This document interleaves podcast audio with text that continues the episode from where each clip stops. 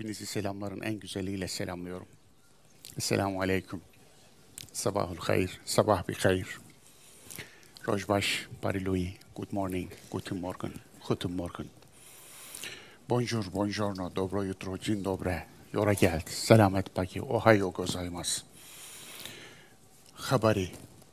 Dünyanın neresinde insanlar birbirlerini ne ile selamlıyorlarsa ben de buradan insanlığı ve insanları onunla selamlıyorum. Bugün Siretül Kur'an, Kur'an'ın hayat yolculuğu dersimizin 14.sünde yine beraberiz. Ve bugünkü dersimiz Kur'an'ın ön sözü. Kur'an'ın özeti, hayatın özeti, Fatiha. Eleştirel aklı farz kılan sure, Fatiha suresi. Onun için bu derse özgü sizden bir istirhamım olacak. Hayatınızda okuduğunuz Fatihaların yaklaşık olarak şu anda aklınızdan hesabını yapmanızı rica ediyorum. Kaç Fatiha okumuş olabilirsiniz? Bir ömür boyu. Kaç kez Fatiha okumuş olabilirsiniz? Bin, beş bin, on bin, elli bin, yüz bin. Bu kadar çok okuduğunuz Fatiha'nın anlamıyla ne kadar buluştunuz? Yani Fatiha'yı on bin kez, elli bin kez, yüz bin kez okuyan insanımız Fatiha'nın anlamıyla ne kadar tanıştı? Fatiha'yı ne kadar okudu daha doğrusu? Okumak seslendirmek değil. Cep telefonunuzun okuduğu gibi okuyorsanız, cep telefonunuz ne kadar istifade ediyorsa o kadar istifade edersiniz. Bilgisayarınızın okuduğu gibi okuyorsanız, bilgisayarınız Fatiha'yı okumakla ne kazandıysa siz de onu kazanırsınız. Flash belleğinizin okuduğu gibi okuyorsanız, Fatiha'yı okuyan flash belleğinize ne yazılırsa size de o yazılır. Daha fazla bir şey beklemeyin. Ama Fatiha'yı okumak, Fatiha ile tanış olmak, biliş olmak, Fatiha ile iletişime geçmek, Fatiha ile buluşmak. Ne kadar buluştunuz? Ne kadar tanıştınız? Ne kadar iletişime geçtiniz? Ne kadar ilişki kurabildiniz Fatiha ile? İşte bu. Bunun ölçüsünü, bunun ölçümünü yapmak için bu dersi kendi kendinizi sınava girer gibi hissedin ve Fatiha sınavında sınıf geçer veya sınıfta kalır bir not alıp almadığınızı lütfen kendiniz karar verin. Yani bir muhasebe dersi olsun. Fatiha üzerinden. Fatiha üzerinden aynı zamanda Kur'an'la olan ilişkimizi sorgulayalım. Unutmayalım. Efela yetedebberunel Kur'an. Onlar Kur'an'ı tedebbür etmezler mi? Emri var. Yani bu ne demektir? Kur'an'ın anlamı üzerinde yoğunlaşmazlar mı? Kur'an'ın anlamı üzerinde yoğunlaşmazlar mı? Eğer Kur'an'dan bir şeyler okuyor veya okuduğunuzu iddia ediyor ama anlamıyla buluşmuyorsanız bu şuna benziyor. Mafya adamı öldürüp ondan sonra çelenk yolluyor değil mi? Aynen buna benzer. Öldürdüğü adama çelek yollayan mafyanın yaptığını yaparız. Veyahut da önce öldürdüğümüzün başına sonra türbe dikip onu sevdiğimizi söylemeye benzer. Hem katili hem tapıcısı oluyoruz. Dolayısıyla böyle bir çelişki, bu çelişkiyle nereye kadar gideceğiz? İşte bu sorunun cevabını sizin vicdanlarınıza bırakarak derse giriyorum. Önceki dersten kalan bir soru var. Uyanık bir talebe hocanın sadakasıdır. Bir hoca için en büyük nimet uyanık bir talebedir.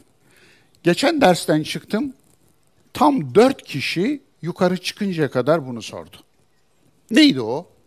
Bakara 272'nin verdiği ders dedim. Hidayet senin elinde değildir diyen bir ayet. İyilik de hasbilik esastır. Dine adam kazanma niyeti bile hesabiliktir, hasbilik değil. Saf iyilik sıfır beklentiyle yapılandır.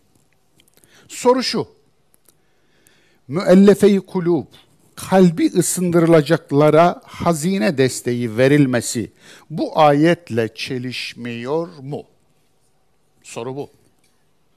Cevap, hayır. Bu ayetle çelişmiyor. Yani kalbi ısındırılacak olanlara devlet hazinesine giren sadakadan ki ismi ayette öyle, sekizde bir pay, sekiz sınıf sayılıyor orada. Onlardan bir sınıfta müellefe-i kulub, kalbi İslam'a ısındırılacaklar. Aslında kalbi ısındırılacaklar. İslam yok orada. Kalbi neye ısındırılacaklar? Aslında onu biz koyuyoruz oraya. Kalbi neye ısındırılacak? Belki Kur'an'a ısındırılacak. Belki oraya onu koymamız lazım. Veya kalbi belki insanlığa ısındırılacaklar. Çünkü insanlıkla aralarındaki bağı koparmışlar. Belki kalbi vicdanına ısındırılacaklar. Belki kalbi aklına ısındırılacaklar. Belki kalbi hakikate, hakka ısındırılacaklar. Onun için neye yani mef'ulü yok. Dolayısıyla kalbi ısındırılacaklar. Ama neye ısındırılacak o belli değil. Onu biz koyuyoruz ortaya, oraya. Onun için bu sorunun cevabı hayır. İlki bireysel ve ahlaki bir ilke. İlki dediğim ne? Müddessir suresinde ne diyordu? وَلَا destek verir. Yaptığın iyiliği çok görme. Yaptığın iyiliği kazanç kapısı haline getirme bir başka anlamıyla. Dolayısıyla bu ayet ahlaki bir ilke. İkincisi ise yani kalbi İslam'a ısındırılacak veya kalbi Kur'an'a, kalbi hakikate ısındırılacak olanlara sadakadan, devlet hazinesinden sekizde bir pay verilmesi emreden ayet ise nedir bu? Kamusal bir teşvik. İlki Müddessir 5, vahyin ilk yılı, ikincisi Tevbe 60, vahyin son yılları. Hatta son yılı. Arada 22 yıl var. Dolayısıyla bunu dikkate almazsak eğer yanlış anlamalar olur. Böyle bir açıklama yapma ihtiyacı hissettim. Evet, Kur'an'ın ön sözü.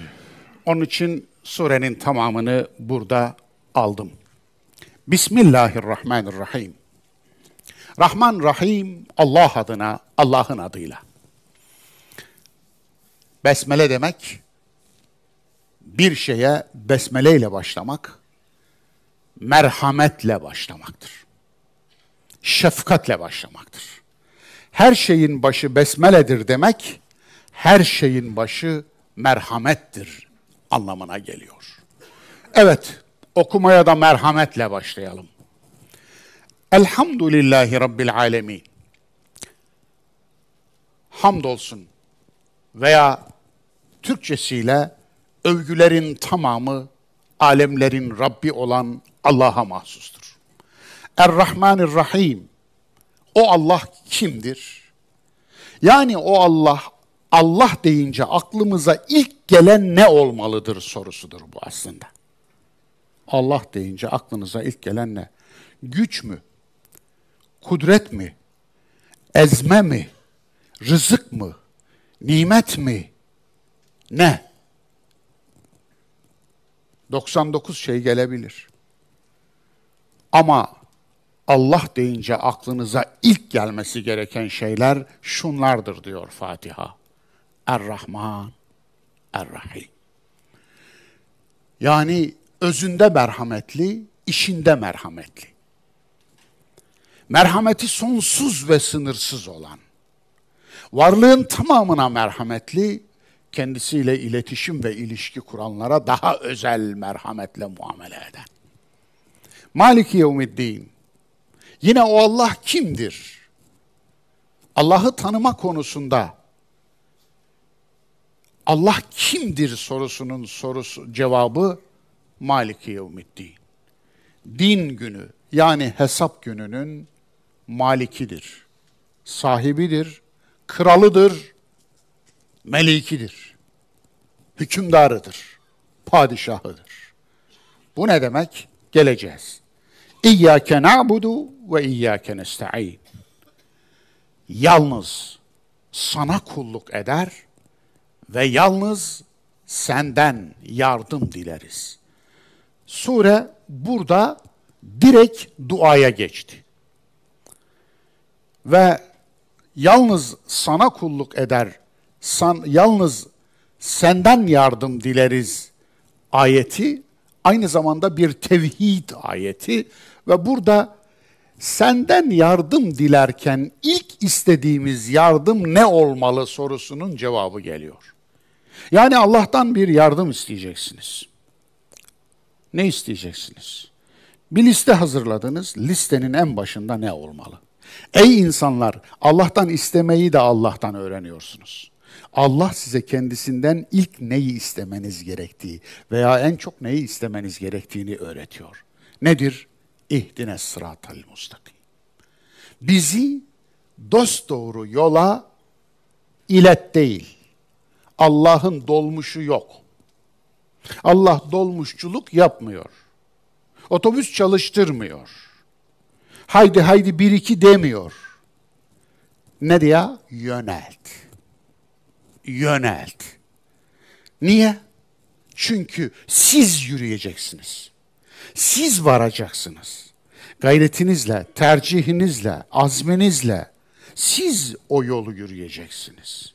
Allah dolmuşa bindirip de cennetin kapısına falan götürmüyor. Böyle yok. Size irade verdi, size akıl verdi, size enerji verdi, size yürüyecek ayak verdi, düşünecek akıl verdi, vicdan verdi. Onun için bütün bunları kullanarak o yolu siz alacaksınız. Ve tin ve zeytun ve turisinin ve hadel beledil emin. لَقَدْ خَلَقْنَا الْاِنْسَانَ ف۪ي اَحْسَنِ takvim. Biz insanı en güzel kıvamda yarattık. ثُمَّ رَدَتْنَاهُ اَسْفَلَ سَافِلِينَ Sonra yolun başına getirdik, start noktasına bıraktık ve hadi yolu al dedik. Evet, bu. Sıratallezine en'amte aleyhim. Peki yolu nasıl tanıyacağız? Yolun doğru olduğunu nasıl tanıyacağız? Bir sürü yol var. Onun da cevabı geliyor. Kendilerine nimet verilenlerin yoluna ilet. Sadece yoluna iletilecek, yani pozitif olan tarafıyla tanıtmıyor yolu. Kimlerin yoluna iletmeyeceğimizi de öğretiyor. Yani negatifini de gösteriyor. Yani yanlış yolun da ne olduğunu gösteriyor. Gayril mağdubi aleyhim velettallin. Kendilerine gazaplanılanlar, yani gazabı hak edenlerin yoluna değil, sapıtanların ve sapanların yoluna değil. Evet, böyle bir meallendirme ihtiyacı hissettim mücmel olarak. Şimdi içine giriyorum. Elhamdülillahi Rabbil Alemin. Fatiha 1. Neden Fatiha 1 dedim buna? Elinizdeki mushaflarda Fatiha 1 olarak Besmele kodlanmış. İmam-ı Azam buna şiddetle karşı çıkar. Bu benim de doğru bulmadığım bir şey. Elimizdeki mushaflar Aliyyül Kari mushafından kopyalanmış. Onun için Diyanet güya Hanefi bir topluma hitap ediyor. Ama Büyük İmam Ebu Hanife'nin bu konuda müdellel olan, haklı olarak Fatiha'nın birinci ayeti Elhamdülillahi Rabbil Alemin'dir. Fatiha yine yedi ayettir. Son ayet tek ayet değil iki ayettir. Şeklindeki görüşünü nedense esas almamış. Onun için evet tatlı suyun her şeyi var, tatlı suyun hanefileri de var. Tatlı su hanefileri. Demek ki o da o kadar oluyor. Ben burada Hanefi veya Haneficilik yapma taraftarı değilim. Dediğim gibi bizim dinimiz İslam'dır. Allah İslam olarak isimlendirdi. Fakat bu görüşü tüm görüşler içinde en doğru bulduğum için, müdellel bulduğum için bu görüşün doğru olduğuna inanıyorum. Elhamdülillahi Rabbil Alemin. Fatiha 1. Hamd Allah'a mahsustur. Övgü probleminin çözümü. Evet, bu ayet Fatiha 1 yani Kur'an'ın ön sözü ve Kur'an'ın ilk ayeti bir problemi dile getirerek başlıyor. Problemin adı övgü problemi. Mesele konunun kendisi psikolojik bir konu. Yani psikoloji ilmini ilgilendiren bir konuyla karşı karşıyayız. Övgü problemi diye bir problemi var insanoğlunun. Bu problem ilk insandan son insana kadar sürecek bir problem. Peki övgü problemi ne zarar verebilir? Ki Fatiha'nın başında böyle bir problem ele alındı. Kur'an'ın ön sözünün ilk ayeti övgü problemine ayrıldı. Ne kadar önemli bir problem ki bu. Bu en başa geldi ve kuruldu. Bu soru önemli. Hamd ne demektir? Türkçesi var. Hamd kelimesinin. Eskiden şöyle şeyler yazardım.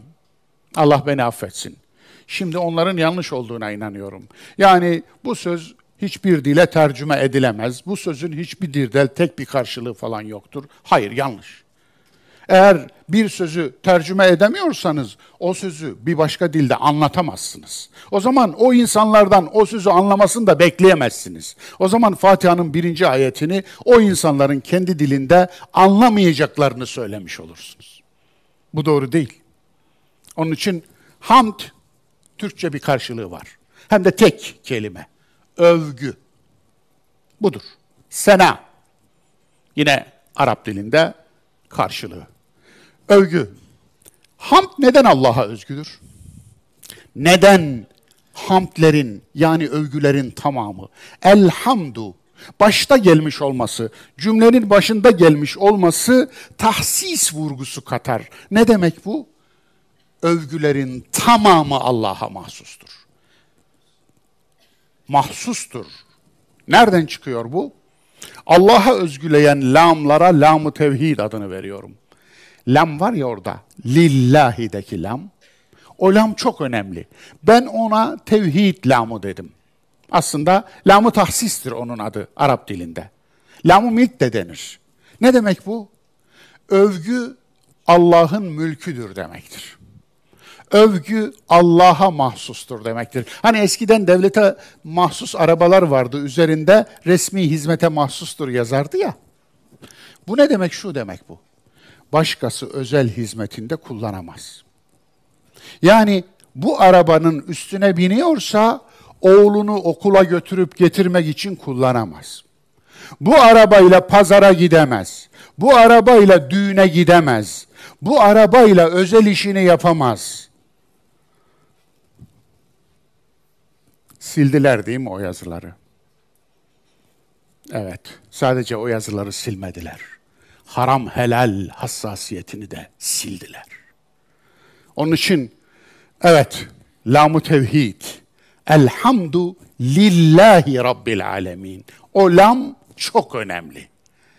Lamu tevhid dedim ona.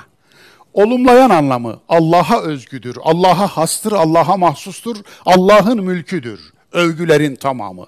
Bu demektir. Allah'ın mülküdür, Allah'a hastır, Allah'a özgüdür Olumsuzlayan dolaylı anlamı insana emanettir.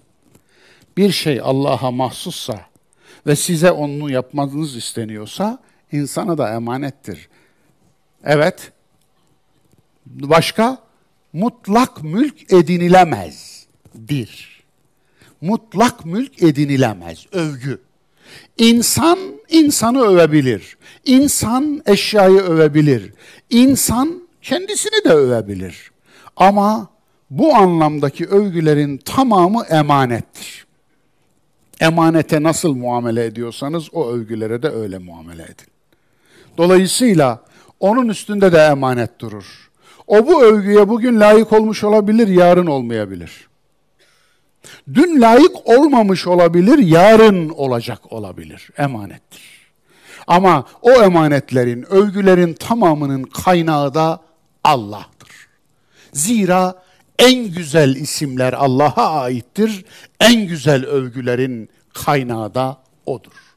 Zimmete geçirilemez. Hiçbir övgü zimmete geçirilemez. Çünkü insan değişken bir varlık.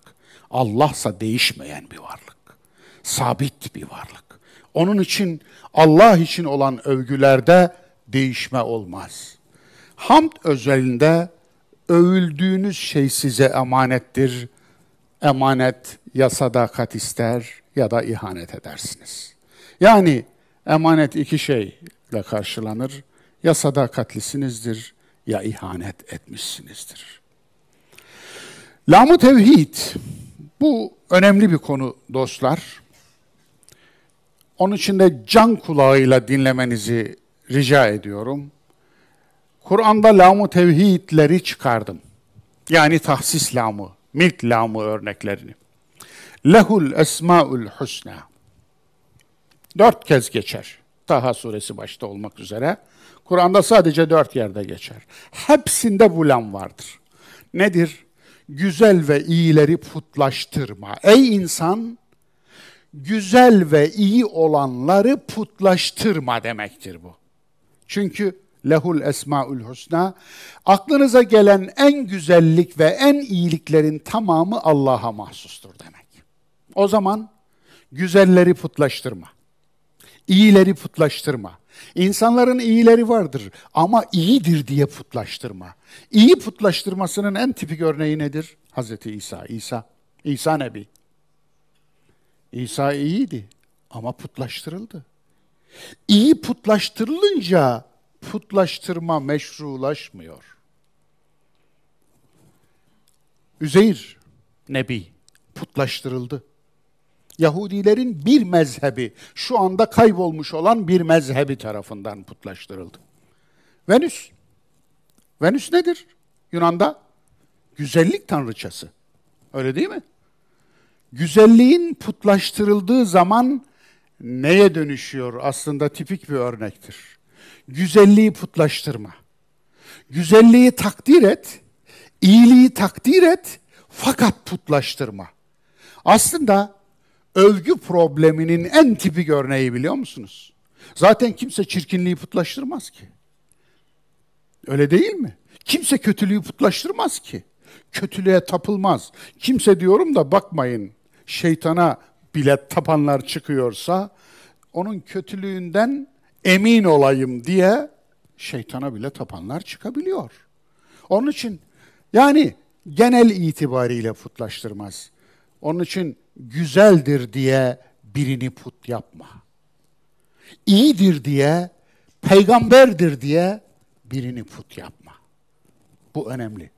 Lehul Esmaül Husna'nın verdiği mesaj bu. Lehul hamd. Hamdin tamamı, övgülerin tamamı Allah'a mahsustur. Kişileri putlaştırma demektir bu. Kişileri putlaştırma. 30 yerde geliyor. Azizleri putlaştırma. Ermiş diye putlaştırma. Aziz diye putlaştırma. Hristiyanlar gibi sen diye, sayın diye putlaştırma. Veli diye putlaştırma. Gavs diye putlaştırma. Kutup diye putlaştırma. Yani put, şeyh diye putlaştırma. Bu insanları putlaştırma. Evet. Lehul mulk.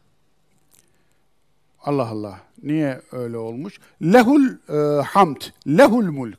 Serveti putlaştırma. Evet deminki hamdi. Lehul mulk. Serveti putlaştırma. Mülk Allah'a mahsustur.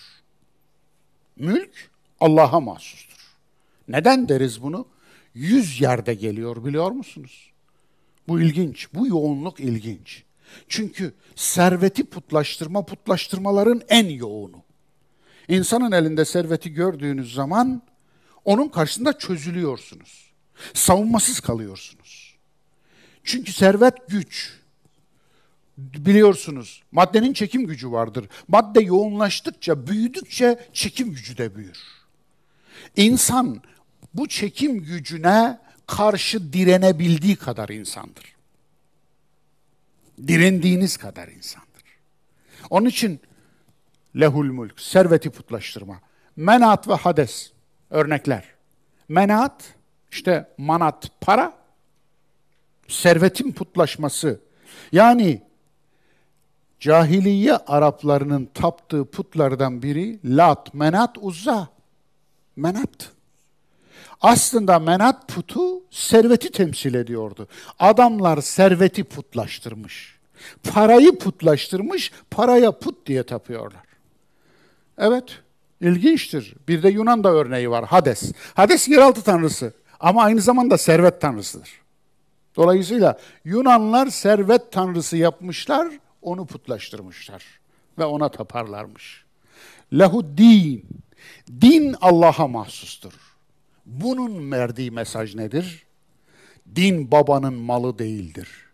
Sahibi değilsin dinin, talibisin. İslam'ın sahibi sen değilsin ey Müslüman.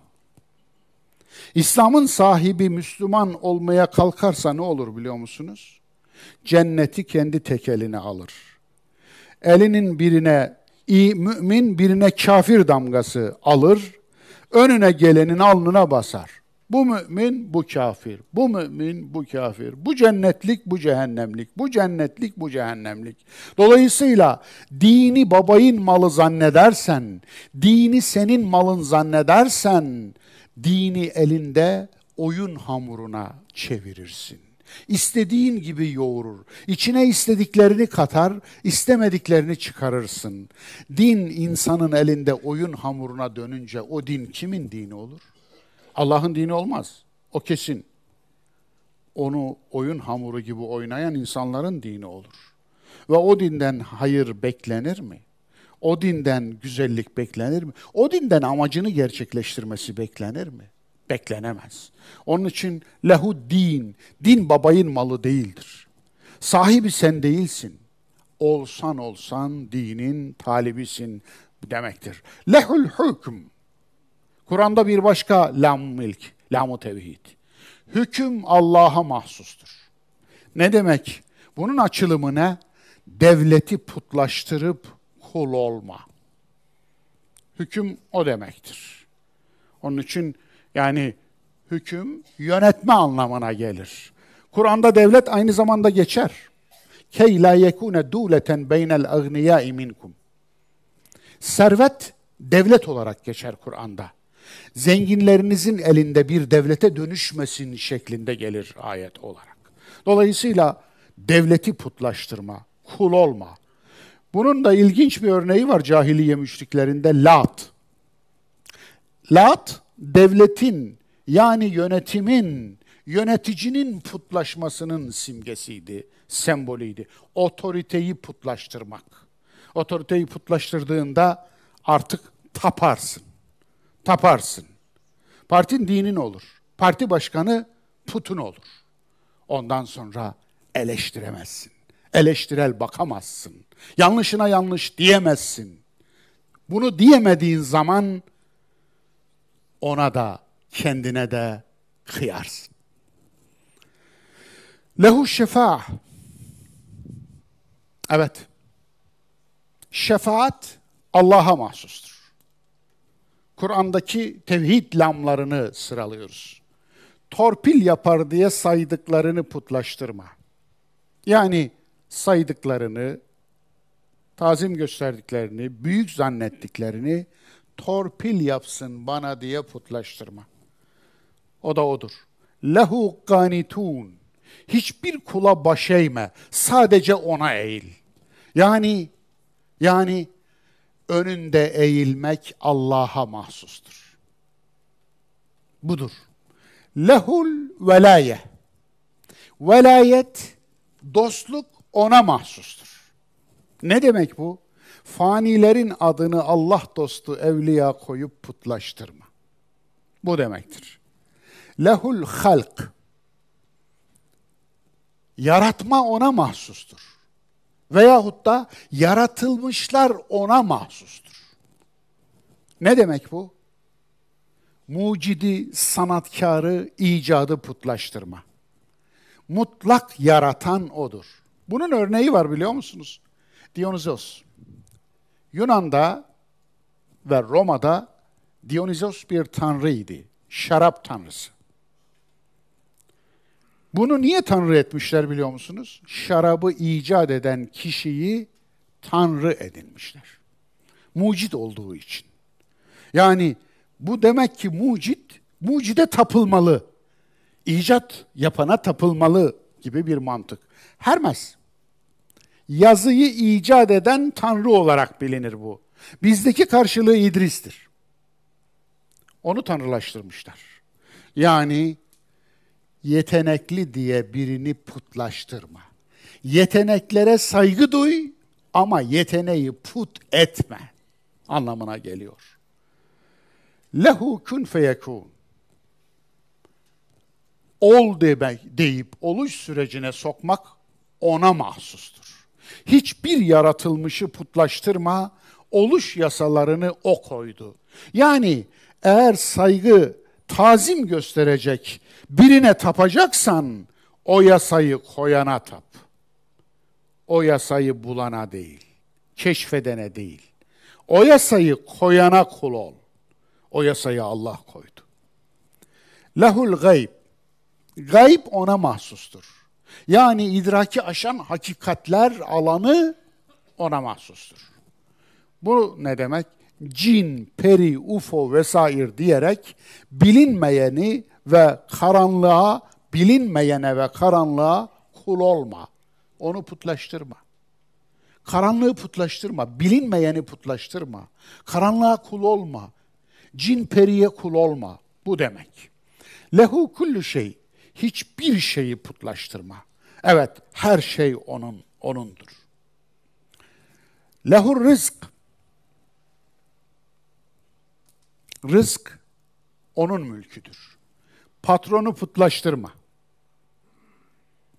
Evet, patrona minnet duy, sevgi duy, teşekkür et ama put etme. İlginç örnekleri de var. Kibele. Anadolu tanrılarından biridir, tanrıçalarından daha doğrusu. Dolayısıyla göğüslerde tapılırdı bu tanrıçanın. Niye? Bereket tanrıçasıydı. Dolayısıyla o besliyor diye, o rızık veriyor diye. Demeter aynı zamanda yine doğu tanrıçalarından biridir. İnna lillah. Bu çok fazla anlaşılamamış bir Kur'ani ibaredir. İnna lillah ve inna ileyhi raciun. İnna lillah. Biz Allah'a aitiz. Ne demek? Kimsenin malı, mülkü, kulu, kölesi olma. Siz Allah'a aitsiniz. Siz kula ait değilsiniz. Siz anne babanıza da ait değilsiniz. Yani anne baba malım diye muamele edemez sizin üzerinizde. Siz de evlatlarınızı malınız gibi görmeyin. Aynı zamanda. Onun için inna lillah budur.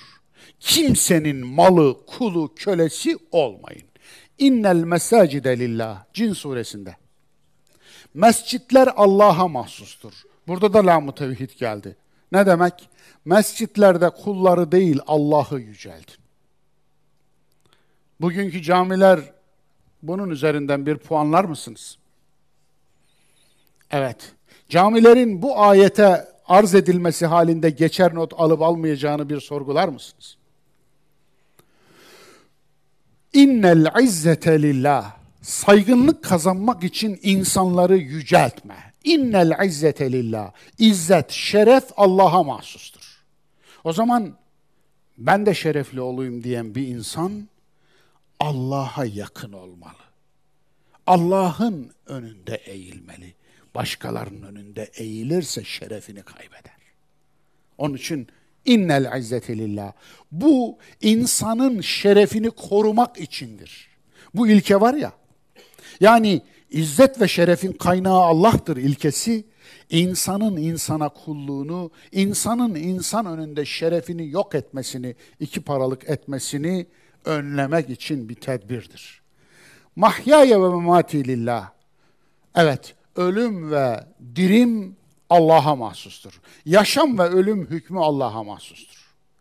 Hiç kimse, hiçbir insan bir insanın yaşamını ve ölümünü son hükme bağlayamaz. Eğer Allah'ın verdiği bir hüküm, bir ruhsat, bir hüküm yoksa. Kul lillahil meşriku vel mağrib. De ki, mağrib ve meşrik, doğu ve batı Allah'a mahsustur. Bu ilke çok harika. Doğu ve batıyı parsellemeyin. Ey doğuculuk yapanlar! Ey doğu büyük, batı küçük diyenler, büyük doğu diyenler. Doğuculuk yapmayın. Doğu Allah'ındır. Ey batıcılık yapanlar! Batı da Allah'ındır.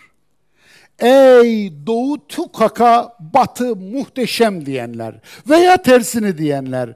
Ey batı muhteşem doğu tukaka diyenler veya batı tukaka doğu muhteşem diyenler. Yapmayın. Doğu da batı da Allah'a mahsustur. Doğuculuk ve batıcılık üzerinden yeryüzünü parsellemeyin. Unutmayın, doğularında, batılarında Rabbi Allah'tır. La havle ve la kuvvete illa billah. Güce tapma demektir. La havle. Güç yoktur. Ve la kuvvete. Kuvvet yoktur illa billah. Sadece Allah'a aittir. Evet. Yani şu. Eğer gücün ve kuvvetin varsa bunun kaynağında Allah'ı gör. Dolayısıyla bu güç ve kuvveti Allah'tan bağımsız kullanmaya Allah'tan koparmaya, Allah'tan bağımsızlaştırmaya kalktığında gücüne yenilirsin, kuvvetine yenilirsin demektir. Neden övgülerin tamamı Allah'a mahsustur? Sorumuz bu. Neden? Birinci maddeye dikkat. İnsan psikolojisi ölçüsüz övgü karşısında savunmasızdır. Katılıyor muyuz? İnsan psikolojisi ölçüsüz övgü karşısında savunmasızdır. Bakınız, yergi karşısında savunmanız vardır. Sövgüye karşı savunmanız vardır. Saldırıya karşı savunmanız vardır. İftiraya karşı savunmanız vardır. Kalkanlarınızı kaldırırsınız. Silahlarınızı kuşanırsınız Cevabınızı hazırlarsınız. Fakat en savunmasız kaldığı insanın hangi durumdur biliyor musunuz? Ölçüsüz övgü. Ölçüsüz övgü geldiği zaman çıplak hissedersiniz kendinizi. Artık tüm silahlarınız alınmıştır. Tüm silahlarınız. Çok nadir insan deme, öyle deme, şımarırım der. Çok nadir insan etme, bana kıyma diye uyarır kendisini ölçüsüz öveni. Ama bunu yapan çok nadirdir. Bunu yapan adamın alnı da öpülür. Evet, alnı da öpülür. Deme. Şımartırsın beni. Hem bana kötülük olur, hem sana kötülük olur. Dolayısıyla iyilerinizi yoldan çıkarmayın. Bırakın iyi kalsınlar. Ölçüsüz övgü. Onun için savunmasızdır. Tüm silahları düşer. Ondan sonra ağzını açar. Bir inanmaz, iki inanmaz, üç inanmaz, dördünce inanır. Mutlaka bu kadar çok adam söylüyorsa bende bir şey vardır der yani. Anlatabiliyor muyum? Onun için bir yalana kendini inandırdığınızda artık o yalan olur. Bir insanı yalana dönüştürmek nasıl bir şey? Yoldan çıkaran övgü şeytanın sözel halidir. Değil midir? Evet. Şeytan söz olsun derseniz bir insanı yoldan çıkaran övgü şeytanın sözel halidir. Beklentiye dayalı övgü kişiyi altın mermiyle vurmaktır. Öyle değil mi? Ya beni vurdu, vurdu da arkadaş altın mermiyle vurdu ya. Onun için altın mermiyle vursun canımı yesin. Öyle mi diyorsunuz yani?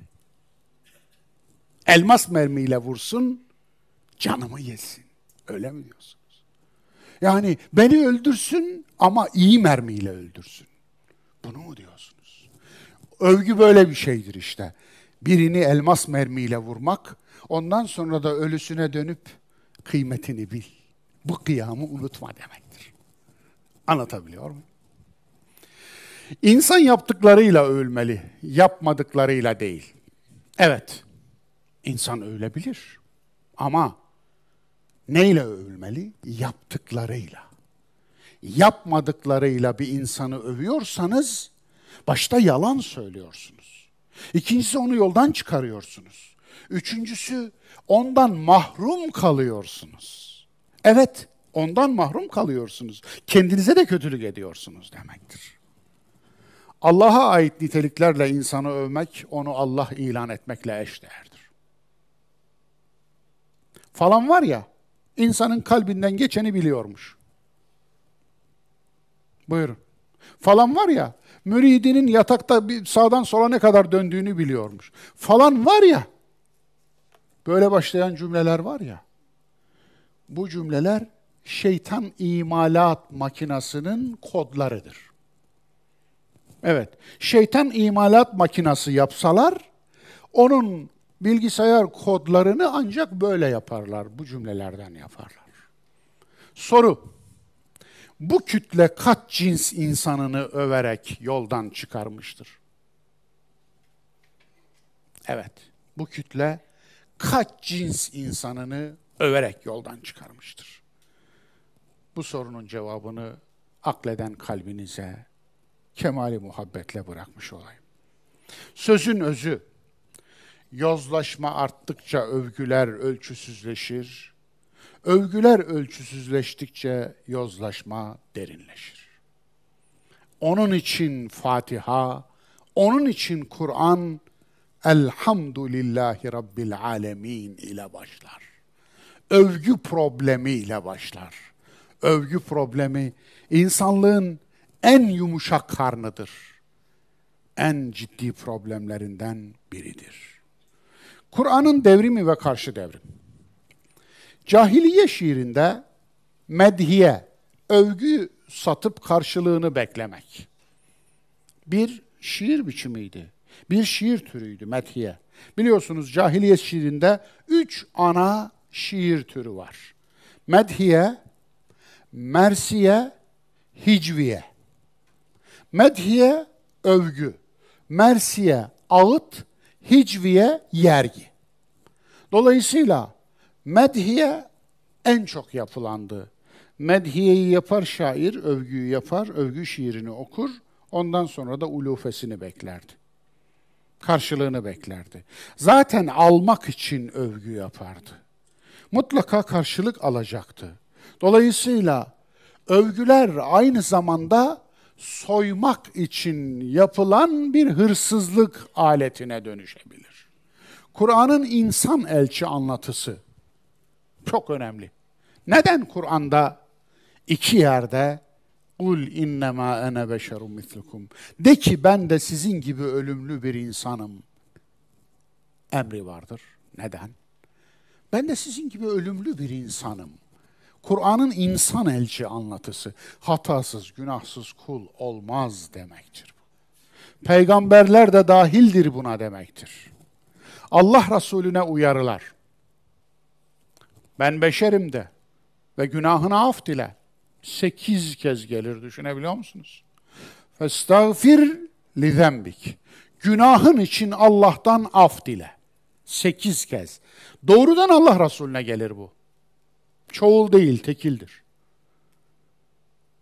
Hitap zamiriyle gelir. Günahın için. Dolayısıyla vestağfir li zembik. Oradaki ke var ya sen, sen günahın için Allah'tan af dile. Evet. Allah Resulü'nden şimdi herhangi bir şeyhe varsan da günahın için Allah'tan af dile desen, oradaki müritler adamı ne yaparlar? Allah Resulü'nden ümmetine kendisini yüceltmeme uyarıları. Evet, hadis okumuyor diyenlere gelsin. Şimdi ben hadis okuyacağım da bazıları diyecek ki hani hadislerin hepsi yalandı. Onu sen dedin yalancı. Ben demedim ki hiç. Cici çomarım. Sana düşen şunu söylemek bak. Ha. Ben bu zata iftira etmişim. Ben bu zata haksızlık etmişim. Ben yanlış biliyormuşum. Bak cici çomarım. Sana düşen bu. Bunu yapacaksın. Demek ki ben iftira etmişim. Allah'tan af diliyorum. Kendisinden de bir helallik alayım demektir. Yoksa ikinci yalanı söylemek değil. Hadi girelim bakalım. La tutruni kema etriyebne Meryem. Fe innema abdun. Fekulu Abdullah ve Resul. Beni uçurup kaçırmayın. Beni yüceltmeyin. Ben sadece bir kulum. Benim için deyin ki Allah'ın kulu ve elçisi. Nasıl? Harika. Değil mi? Sen ne kötü bir hatipsin diyor. Bir adam geriden geliyor. Sen ve Rabbin siz ikiniz küma zamirini kullanıyor, ikil zamiri. Olmasaydınız şu işim olmazdı diyor adam. Allah Resulü'nde direkt verdiği cevap. Sen ne kötü bir hatipsin. Allah'la beni aynı zamir içinde nasıl kullanırsın? Hassasiyete bakar mısınız? Küma zamiri. Sen ve o. İkiniz. Allah'la ben aynı varlık değiliz ki. O Halik ben mahlukum. O yaratan ben yaratılanım. Sen nasıl ikili zamir içinde ikimizi aynı kullanıyorsun? Hassasiyete bakar mısınız Allah Resulü'nün hassasiyetine? Üçüncüsü, hanginiz Muhammed diyor, dışarıdan bedevinin bir tanesi geliyor, kalabalık halinde, tanıyamıyor çünkü çünkü alameti farikası yok. Evet, kırmızı sorguçlu başlık yok. Anlatabiliyor muyum? Taç yok. Sarık yok. Çünkü sarık hepsinde var. Bir tane onda yok. Hepsinde var. Müşriklerde de var. Onun için Ebu Leheb de, Ebu Cehil de sarıklı. Sakal, ötekilerden ayrılayım diye öyle tumturaklı bir kucak sakal bırakmamış yani. Onlar neyse o da o. Tanıyamıyor. Sırtında özel bir peygamberlik cübbesi yok. Bir renk takayım da beni tanısınlar da yok. Aksine tanınmasın, tanımasınlar yani ayrıcalıklı olmayayım hassasiyeti var. Hanginiz Muhammed diyor? Hanginiz Muhammed? Düşünsenize bugün mangalda kül bırakmayan Allah Resulü'nün varisi olduğu iddiasını güden insanların meclisine varın. Hanginiz şeyh diye sorduğunuz, soracağınız bir meclis olabilir mi? Olabilir mi? Tasavvur edebilir misiniz? Tahayyül edebilir misiniz? Bu çok ilginç değil mi? Peki siz hangi sünnetten bahsediyorsunuz? Hani sünnet deyince mangalda kül bırakmıyorsunuz ya. Hani sünnetçisiniz ya. Hani sünnetiniz? Siz hangi şeytanın sünnetini işliyorsunuz? Allah Resulü'nün sünneti bu. Bulunduğunuz yerde hanginiz şeyh diye sorulan bir şey olmuş mudur bugüne kadar? Evet. Allah Resulü'nden alimlerden bir tanesi saymış tüm hadis külliyatı içinde. Ene uhti'u ve usib geçende hadis sayısı 60 tane diyor. Ben hata da ederim, isabet de ederim. Cümlesinin geçtiği hadis sayısı 60 tane diyor. Anlatabiliyor muyum? Bunun bir, bir kısmı uydurmadır. Bir kısmı zayıftır. Bir kısmı muhtemelen Allah Resulü söylemiyor. Muhtemelen değil. Kur'an'a arz ettiğimizde kesinlikle söylemiştir. Söyler çünkü. Ben de bir kulum, ben de bir beşerim, ölümlü bir insanım, hata da ederim, isabet de ederim. Çünkü ben bir beşerim de diyor zaten. Kur'an bunu emrediyor, o da onu diyor. Demiş, o, olamaz mı? Yani demesi kesindir Demiş olması kesindir çünkü Allah'ın emri bu. Onun için ben de sizin gibi bir beşerim diyor, insanım diyor. Hata da eder, isabet de ederim diyor. Eyvallah. Nisa suresinin 105. ayetindeki geçen olay aslında bunun en güzel örneği. Niye hüküm verdi? Hatalı hüküm verdi. Tam ayet indi ve Allah Resulü'nün hükmünü iptal etti ve düzeltti. وَلَا تَكُنْ لِلْخَائِنِينَ خَصِيمًا Sakın hainlere arka çıkma. Bir Yahudiye karşı bir Müslümandan yana olmuştu Allah Resulü. Müslümandan yana, oysa ki Müslüman haksızdı. Müslüman hırsızlık yapmıştı, suçsuz bir Yahudiye iftira ederek ona atmıştı suçu. Onun için evet İsra 105 çok önemli. Sen bizim efendimizsin diyor. Bir tanesi geliyor yine dışarıdan. Sen bizim efendimizsin diyor. Cevaba bakar mısınız? Efendi Allah'tır. Bitti. Bu. Yani demin söyledim ya, överek sizi çözmeye çalışan, överek sizi savunmasız bırakana karşı alacağınız en harika tavır bu. Bu, bu aslında. Bu topluluğun efendisi kim diyor bir tanesi. Geliyor yine. Bu topluluğun efendisi kim tanımıyor. Muhtemelen yine bir bedevidir. O anda bir tanesi e, efendim Allah Resulü sanırım veya bir başkası hizmet ediyor. Seyyidukum hadimukum. Sizin efendiniz size hizmet edendir. Evet. Onun için Allah Resulü herhangi bir kalabalık geldiğinde hizmeti kendisi yapardı. Anlatabiliyor muyum? Bu küçüklük değildir. Bu ezilmek değildir. Asl, aksine bu büyüklüktür. Aksine efendiliktir bu. Efendi ol diyoruz ya. Efendi ol. Efendi ol, misafirine çayı tut.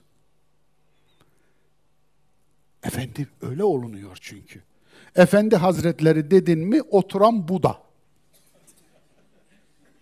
Hindistan'ın ineği. Bu değil efendilik. Efendi oymuş. Efendi nasıl olunur? Allah Resulü onu tarif ediyor burada. Adamın bir tanesi geliyor. Allah Resulü'nün son dönemleri Arabistan Yarımadası'nın tamamı onun elinde. Krallar bile diz çökmüş. Ve titriyor. Adam titriyor. Adamın titrediğine bakıyor ve Allah Resulü aynen şöyle uyarıyor. Ne titriyorsun be adam? Ben de senin gibi kurutulmuş et yiyen bir ananın oğluyum. Nasıl? Evet. Sünnet bu değilse ne? Örneklik bu değilse ne? Ey Abdülmuttalib'in oğlu diyor bir tanesi. Bunun kaynağını verdim çünkü bu çok bilinmiyor. Ey Abdülmuttalib'in oğlu, dikkat eder misiniz? Ölmüş. Abdülmuttalip kim? Dede. Baba aslında yetim olduğunu da söylüyor. Yani bir tür babasına atlıyor. Abdullah'ın oğlu oysa ki. Abdülmuttalib'in oğlu değil ki. Abdullah'ın oğlu. Ama Abdullah neredeyse çocuğunu görmeden ölmüş. Dolayısıyla ey Abdül dedeye atlıyor. Birkaç açıdan da tahfif var. Ama Allah Resulü hiç takılmamış oraya. Cevaba bakar mısın? Buyur seni dinliyorum. Gerek yok. Evet. Gerek yok. Anlatabildim mi? Özgüvenin var mı? Ne olduğunu biliyor musun? Seni kınayanlar olduğun değerden daha aşağı düşüremezler. Ama o kadar yüksek değilsen havaya göklere uçursalar da seni kaldıramazlar. Yok böyle bir şey. Övenler birini göklere yükseltemez, sövenler de birini yerin altına geçiremezler. Neysen olsun.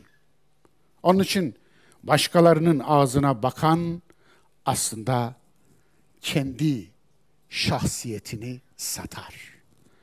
Yani toplumun ağzında bakarak kendinize değer biçmeyin diyor bütün bunlar. Allah deyip geçebilirsin ama şeyh deyip geçemezsin. Allah diyoruz zaten bakınız. Kur'an'da 2700 küsür kez Allah geçiyor. Önünde arkasında Esma-i Hüsna dışında hiçbir şey yok. Hiçbir şey yok. Hiçbir şey.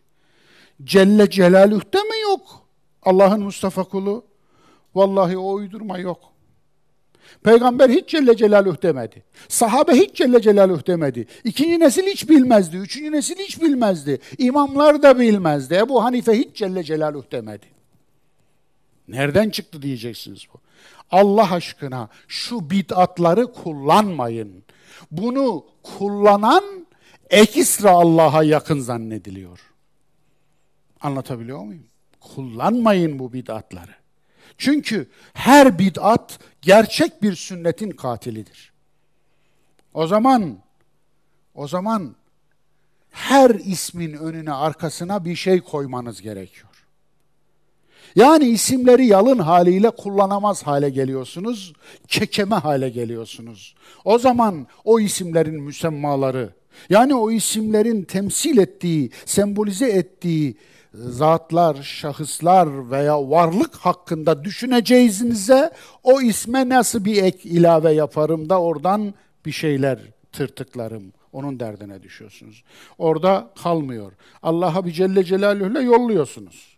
Ama öbürünü geliyor. Kaddesallahu sırrahul aziz. Ne ya? Sırrı ne ya? Sırrı ne ki neyi Allah takdis edecek? Allah aziz olan sırrını takdis etsin demek.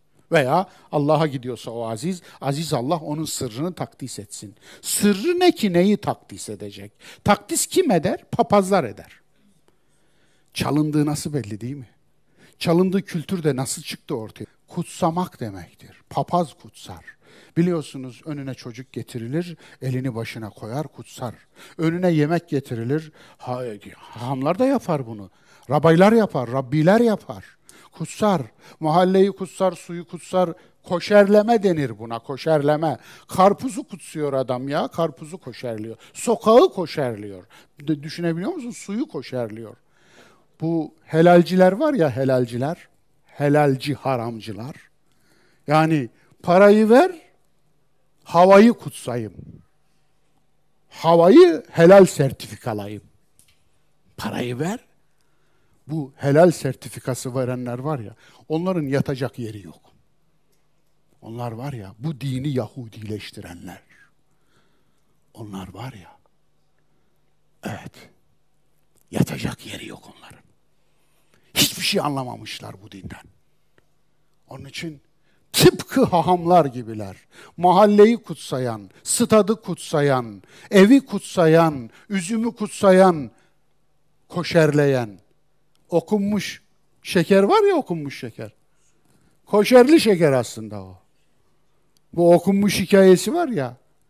Ne okunmuşsa o helal değildir almayın onu. Evet. Okunmuş olandan uzak dur. Koşerlidir o.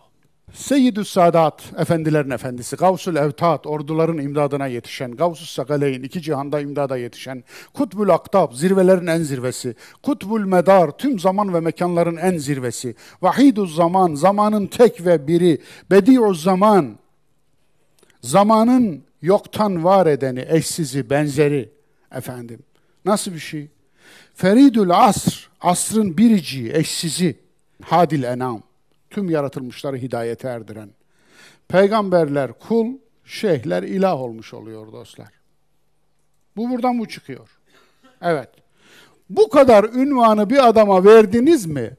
O adam insan olamaz, adam olamaz. Anlatabiliyor muyum? O adamı adamlıktan çıkarırsınız. Savunmasız bırakmışsınız zaten. Vurmuşsunuz. Şimdi bir insana Tanrı dediniz mi o Tanrı olmaz ama insanlıktan garantidir çıkmaz. Evet. Garanti, bir şey garantidir. Tanrı olmaz ama insanlıktan çıkar. Evet. Soru. Bunları kullananlar Fatiha'ya inanıyorlar mı? Çok sade bir soru sordum dostlar. Bunları kullanan gelenek Fatiha'ya iman ediyor mu? Sorun bu. Zannediyor. Zan ile iman olmuyor ki. İnne zanne la yugni minel hakkı şey'a. Zan hakikatten hiçbir şey içermezmiş. Kaç kere gelir Kur'an'da? Zan hakikatten hiçbir şey içermez. Ölçüsüz övgüler, ünvanlar, medihler, senalar. Allah der geçebilirsin, padişah deyip geçemezsin. Manalarını vermeyeceğim, zaman öldürmeyeceğim.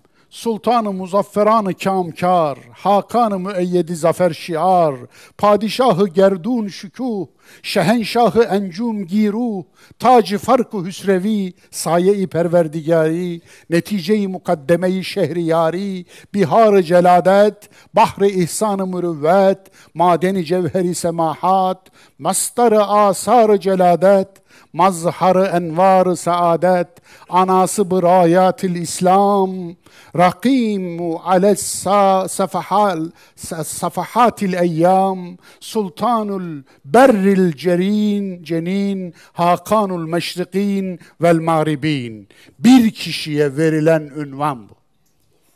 Münşaat-ı Feridun Bey'den aldım. Nasıl? Vay be der adam, yıkılır oraya. İnanın yıkılır. Allah diyorsun yetiyor. Ama padişah diyemiyorsun. Yetmiyor.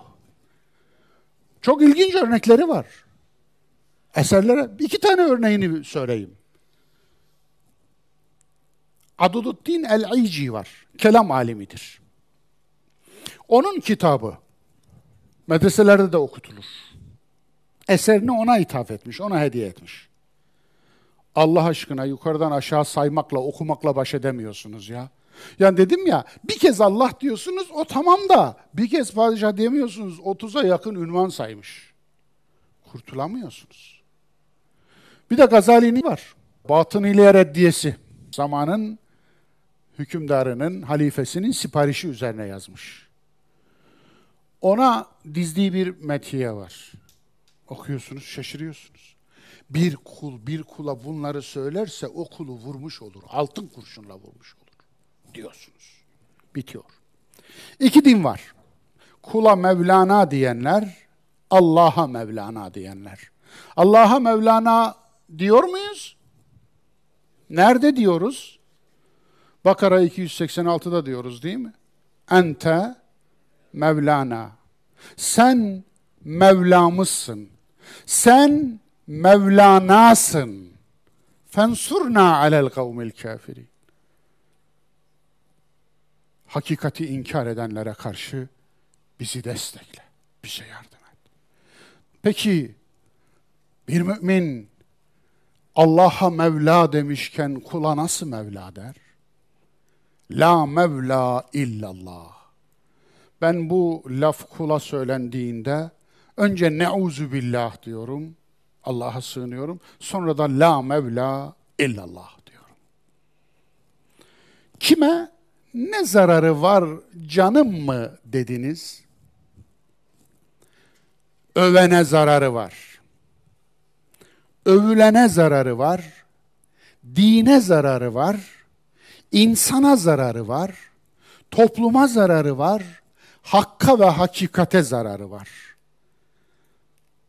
Allah'ı hakkıyla takdir edemediler. Evet, Allah'ı hakkıyla takdir edemediler. İnsanı da takdir edemediler. Haddi aşan zıttına döner. Men caveze haddehu ingalebe dıddahu. Ma caveze haddehu ingalebe dıddahu. Haddi aşan her şey zıttına döner. Bir insanın haddini aşırdığınız zaman zıttına döner. Onun için tanrılaştırmaya çalıştığınız her insan şeytana dönüşür. Veya sizin zihninizde şeytanın size verdiği zararı verir o tanrılaştırma teşebbüsünüz. Hz. İsa'yı tanrılaştıran Hz. İsa'ya zarar vermiş olmaz. Ama Hz. İsa'yı tanrılaştırması üzerinden kendisine zarar verir. En büyük zulmü işler. İnne şirke le zulmün azim. Şirk en büyük zulümdür. Bir kulu tanrılaştırmak onu ortadan kaldırmaktır dostlar. Evet, onu öldürmektir. Bu zat vefat etti.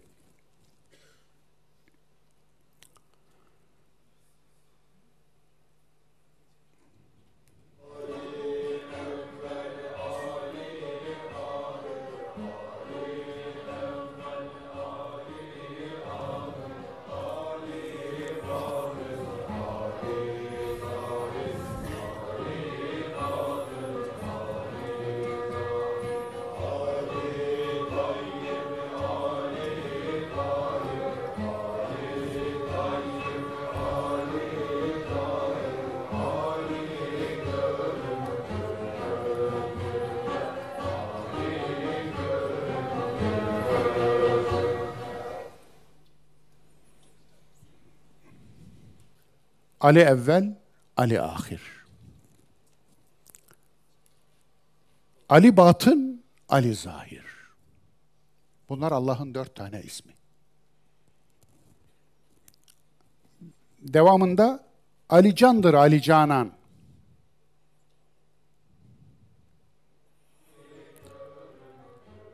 Ali dindir, Ali iman. Ali Rahim, Ali Rahman. Ali göründü gözüme. Bu zat Muzaffer Uzak. Bir tarikat şeyhiydi. Vefat etti. Allah taksiratını affetsin. Amerikalarda, statlarda ayin yaptırırdı müritlerine.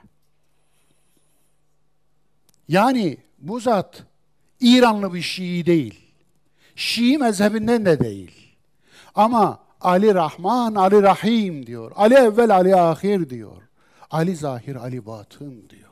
Bu şirk destanını baştan başa Hazreti Ali'ye en büyük hakaret olan Hazreti Ali'nin önünde söylense eğer yıkıl karşımdan Allah'ın düşmanı diyeceği bu lafları Hazreti Ali'nin karşısında söyleyemezdi.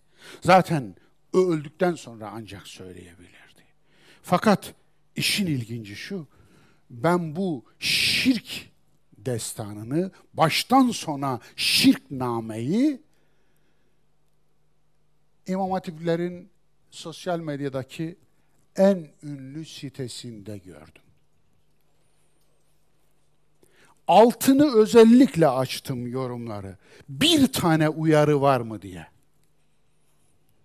Heyhat. İmam Hatiplerde siz tevhidi ve şirki öğretmiyorsanız neyi öğretiyorsunuz? Neyi öğretiyorsunuz? Allah'tan utanmıyor musunuz? Rabbul alemi, alemlerin Rabbi. Yaratılış muradı ilahidir sudur taşmak köpük değildir. Evet. Rabbul alemin. Cümle içindeki konumu gereği Rabbil alemin diye okuyoruz ama bağımsız okunduğunda irabı budur. Rabbul alemin. Alemlerin Rabbi terkiptir. Neden alemlerin Rabbi? Bu çok önemli. Neden alemlerin ilahı değil? Allah'ı değil de neden alemlerin Rabbi?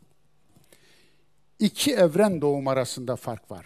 Sudurcu evren doğum vardır. Kozmogoni denir. Kozmogoni. Evren doğum. Kozmogoni. Kur'an'ın evren doğum anlayışı şudur. Allah irade etti, evren var oldu. Allah'ın muradıdır. Allah iradesini kullanmıştır evreni yaratırken.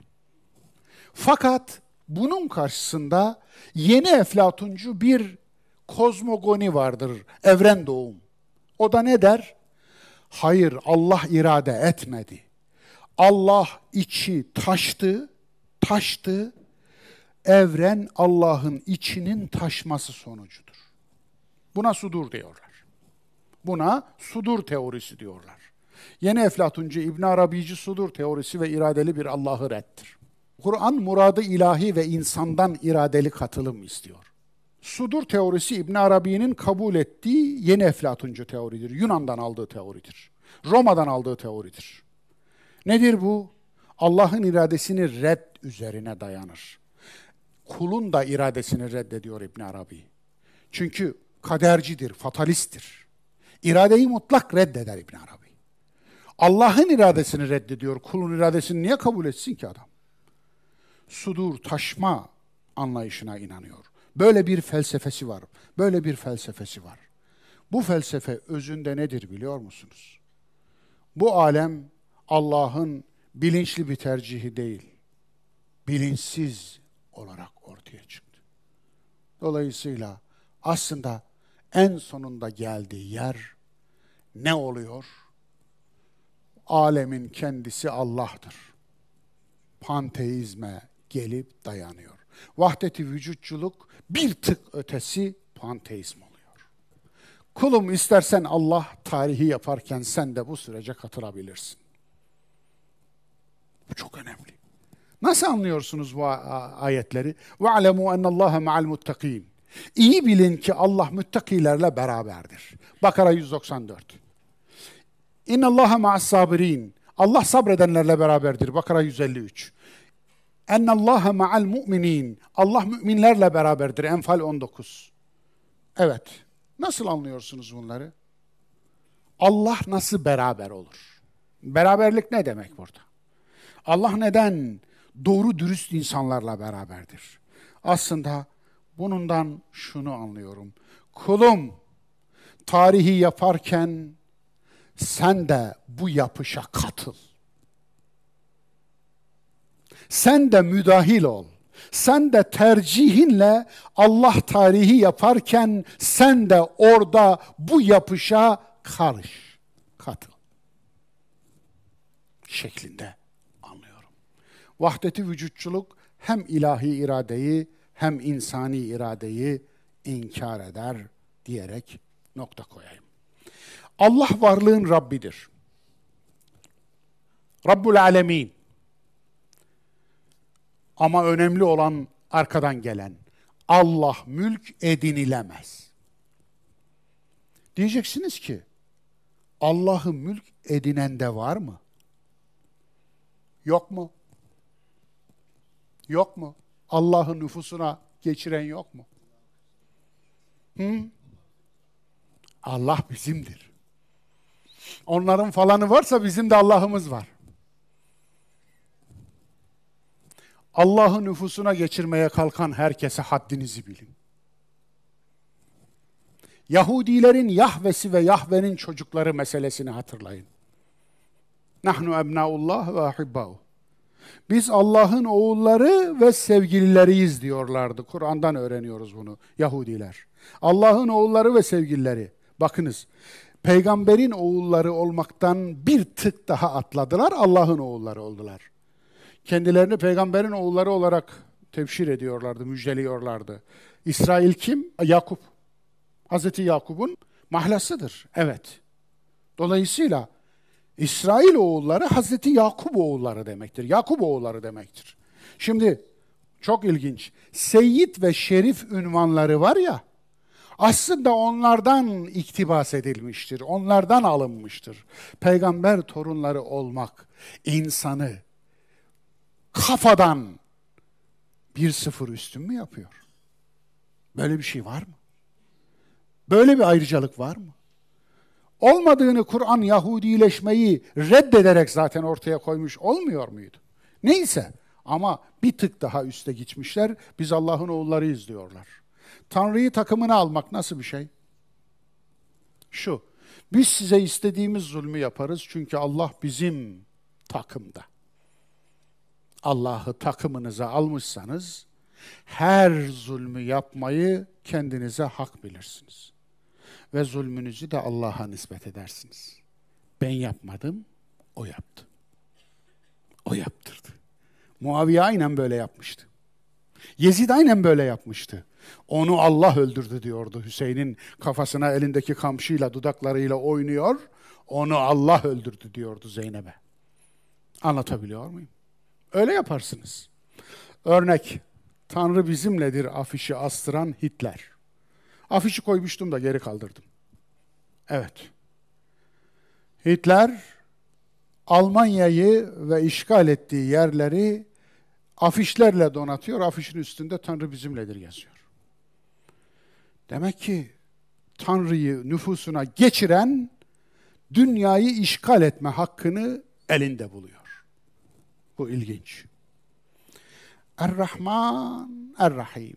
Fatiha'daki Er-Rahman, Er-Rahim ne demek? Rahman ve Rahim Allah. Bu bir tanrı algısında devrimdir dostlar. Çok önemli. İnsanlık tarihinde bir devrimdir. Er-Rahman Er-Rahim. Onun için Mekke müşrikleri özellikle Rahman'a itiraz ettiler. Rahman da neymiş dediler. Er-Rahman suresi bunun üzerine indi. Er-Rahman allemel Kur'an. Evet. O Rahman var ya, rahmeti sonsuz olan var ya, allemel Kur'an. Buradaki Kur'an'ı isim olarak değil, vasıf ve sıfat olarak anlamak lazım. Ne demek? Okumayı öğretti. Evet. O Rahman var ya, okumayı öğreten zattır. Halakal insan, insanı yaratan zattır. Allemehül beyan, ona kendini ifade etme yeteneğini veren zattır. Tamam. Harika. Neden müşrikler Er-Rahman'a itiraz ettiler? Allah Resulü Besmele'yi yazdırınca Hudeybiye Barış Anlaşması'nın girişinde Hazreti Ali'ye Besmele'yi sil oradan, Bismikallahümme yaz ama Rahman ve Rahim yazma dediler. Neydi bu adamların Rahman isminden bu kadar gocunması? Oysa ki bakınız yerine teklif ettikleri de fena bir şey değil. Bismikallahümme. Ey Allah'ım senin adınla demektir. Ama Rahman ve Rahim'e itiraz ediyorlar müşrikler. Sildiriyorlar onu. Neden? İşte burada Kur'an'ın devrimi akla geliyor. Kur'an Tanrı algısında bir devrim yaptı. Kur'an'a kadar insanlık tarihinde tüm paganizmlerin tanrıları, baş tanrıları erkektir. Mısır'da Horus erkektir. Yunan'da Zeus erkektir hem de güçlü kuvvetli bir erkek. Zeus'un bakabilirsiniz fotoğraflarına ve heykellerine. Roma'da Apollo erkektir.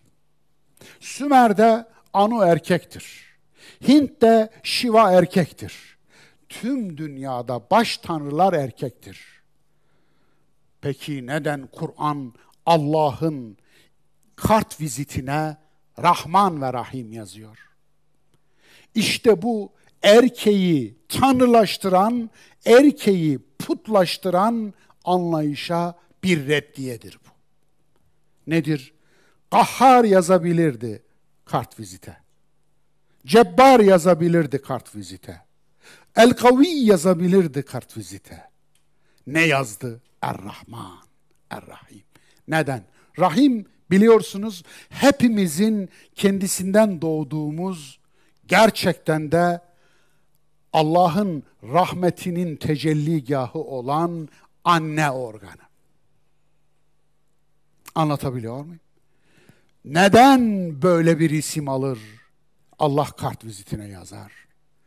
Yönetmenin merkezi Kur'an'a kadar güçtü. Kur'an bunu değiştirdi ve dedi ki yönetmenin merkezine şefkati ve merhameti al şefkat ve merhametle gücü değiştir.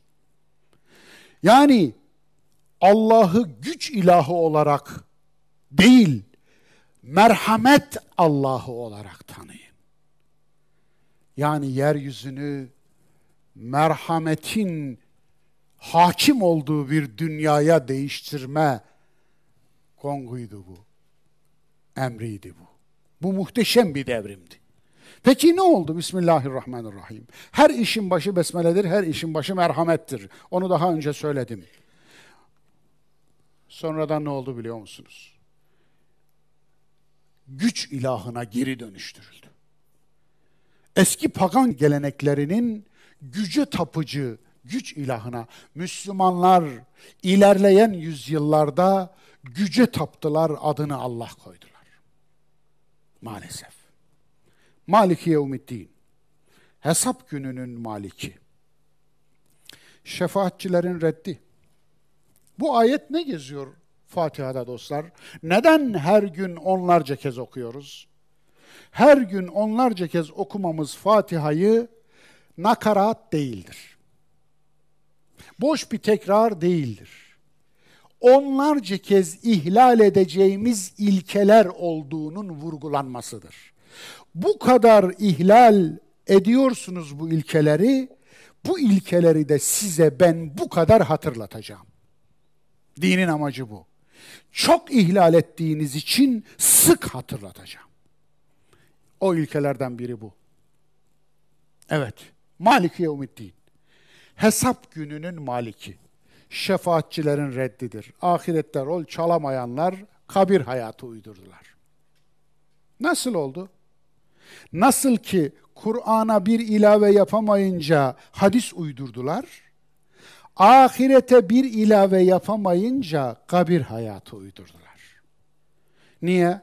Allah din gününün maliki değil mi? Hesap gününün. Şimdi oranın maliki var, ora boş değil. Bo boşluk yok orada. Ama bunlara bir maliki olacakları bir hayat lazım. Öldükten sonra bir hayat olacak o. Yani bizim bilemeyeceğimiz bir hayat olacak. Bizi hikayelerle, masallarla, yalanlarla aldatacakları bir hayat olacak. Ahirete uzanamıyorlar. Dünyada da görüyoruz ne halde olduklarını. Kabir hayatı diye bir yalan uydurdular. Ve oranın maliki de kendileri oldular. Anlatabildim mi? Onun için uydurdular. Yani madem maliki yevmiddin, hesap gününün maliki sensin, kabirinde maliki biziz ey Allah de, demeye getirdiler. Oranın sorgu sualini biz belirleriz. Allah oku diye emrediyor. Oku diye başladı Kur'an. Ahirette de ondan hesap soracak. Okudun mu diyecek ve Kur'an'dan hesaba çekileceğiz. Yani ders kitabımız belli. Ama kabirdeki sual Kur'an'dan değil. Farkında mısınız? Onu da uydurdular. Evet. Allah'a meydan okuyorlar. Ahiretin maliki sen, sen kabrin maliki de biziz. Kabri istediğimize cennet yapar, istemediğimize cehennem yaparız. Onu da uydurdular mı? Uydurdular. El kabru ravdatun min riyadil cenne vel hufretun min huferin niran. Kabir ya cennet bahçelerinden bir bahçe ya cehennem çukurlarından bir çukur dediler. Bunu da Allah Resulü'nün ağzına utanmadan, Allah'tan korkmadan koydular ve ondan sonra bunu bir din haline getirdiler. Evet. Soru. Hesap gününe inanmayan uydurulmuş din, Müslümanı, uydurulmuş dinci Müslümanı nasıl tanırız? Cevabı aşağıda ilahi kameradan değil kul kamerasından korkmasından tanırız. Anlatabiliyor muyum? Bakıyorum bazıları kameraya yediği halt çekilince bunu görünce çılgına dönüyor. Allah'ın kamerası var ya. Allah'ın kamerası var. Demek ki sen onu hiç kale almıyorsun. Hiç dikkate almıyorsun. Ondan hiç tedirgin olmuyorsun. Oysa Allah'ın kamerası, bu kamera üç boyutluysa Allah'ın kamerası üç bin boyutlu. Zihninden geçenleri alıyor. Kalbinden geçenleri alıyor. Bilinçaltını alıyor. Damarından geçenleri alıyor. Kırkıncı odanı alıyor. E ondan korkmuyorsun ama dünyadaki kameradan korkuyorsan eğer aslında ne yaptığının hiçbir önemi yok, nasıl göründüğün önemli. Evet, olmak değil, görünmekle ilgileniyorsun. İyyâke na'budu ve iyyâke nesta'in. Kullukta tevhid, yardım istemede tevhid. İslam ibadet dini mi, ubudiyet dini mi? İbadetle ubudiyet arasında fark var arkadaşlar. İbadet, ayin, ritüel vesaire. Ubudiyet ise kulluk. İbadet belli mekanlarda, belli zamanlara hasredilir. Kulluğun hasredildiği bir zaman ve mekan yoktur. Kulluk 24 saattir. Anlatabiliyor muyum? İbadet belli saatlerde, belli mekanlarda, kulluk ise 24 saat, 7-24'tür. İkisi farklıdır ve Kur'an kullukla emreder. Kur'an'ın devrimi ubudiyet, kulluk diniydi. Salat, namaz emrinin amacı. Nedir salatın amacı? Aslında kendine destek. Salat destek demek. Ve başkalarına destek. Kötülükten kaçıp iyiliğe, desteğe koşmaktır namazın amacı. Kötülükten kaçmak inne salate tenha anil fahşai vel münker. Namaz kötülüklerden alıkoyar. Maun suresinde ise namaz yetimin başını okşamayı, açı doyurmayı, düşmüşü kaldırmayı, yoksulu görmeyi, gözetmeyi emreder değil mi? Bu destek yani. Peki savm, oruç emrinin amacı nedir? Sorumluluk bilincini geliştirmek. Evet, kutibe aleykumus siyamu kema kutibe alellezine min kablikum leallekum tettekûn. Amaç burada. Amaç açıkça yazılmış. Sorumluluk bilincine ulaşırsınız diye. Kurban ibadetinin amacı nedir? Varlık hiyerarşisini bozmamak. Yani hayvanı hayvan yerinde tutmak, insanı insan yerinde. Hayvanı ilahlaştırmamak. Araplar da yapıyorlardı, Hindular da yapıyorlardı bunu. Hindular ineği ilahlaştırıyorlar. Araplarsa o hani aslında bu kesilen deve var ya, kesilen deve ilahlaştırılmış deveydi. Anlatabiliyor muyum? Araplarda da böyle beş türlü ilahlaştırma vardı.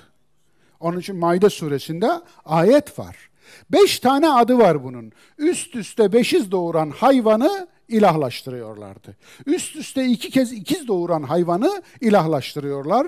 Kulağına veya kuyruğuna bir bel koyuyorlar, yarıyorlar. Diyorlardı ki bu Allah'ın devesi. E Allah'ın devesi ne olacak? Fark ne öbür deveden? Fark şu. Allah'ın devesini Allah beslesin. Nasıl? Nasıl? Çok ilginç. Ben günümüze çok benzetiyorum. Allah'ın devesine Allah su versin. Bir de Semut kavminde su az, az su manasına geliyor Semut zaten. Az su. Su o kadar kıymetli ki. Allah'ın devesine Allah su versin, Allah'ın devesine Allah beslesin. Bize ne? Yani deveyi önce bağışlayacaksın, Allah'ın devesi ilan edeceksin, ondan sonra da açsız öldüreceksin. Bir hayvana işkence ettiği için bir kavmin helaki aslında hayvanların bize nasıl emanet olduğunu göstermiyor mu? Arabasının arkasına maşallah yazıp da köpeği sürükleyen uydurulmuş dinciye ne diyorsunuz? Bu memlekette görüyorsunuz değil mi hayvanlara yapılanları? Benim burada yüzüm kızarır söylemeye. Yüzüm kızarır. Dolayısıyla onu geçiyoruz. Kurban ibadetinin amacı nedir? Varlık hiyerarşisine. Çünkü hayvanları Allah insanoğlunun emrine musakkar kıldı. Ama insanoğluna emanet etti. Hayvanları ilahlaştırmayın. Ama işkence de etmeyin. Acı da çektirmeyin. Aç susuz da bırakmayın. Bu. Hac ibadetinin amacı nedir? Sembolleri şair, hac ibadeti diğer ibadetlerden farklı olarak Kur'an'da min şairillah bir tek bu ibadet içindir, özgüdür buna. Allah'ın şiarları, Allah'ın sembolleri demektir. Sembolikmiş. Hac ibadeti sembolikmiş. Put yapmamak için. Sembolleri put yapmayın yani. Ne demek? Yani bu Kabe bir semboldür. Sembol olan Kabe'yi puta çevirmeyin. Ne yapıyor? Puta çeviriyor. Kabe put oluyor. Hacerül Esved put oluyor. Anlatabiliyor muyum? Puta dönüşüyor.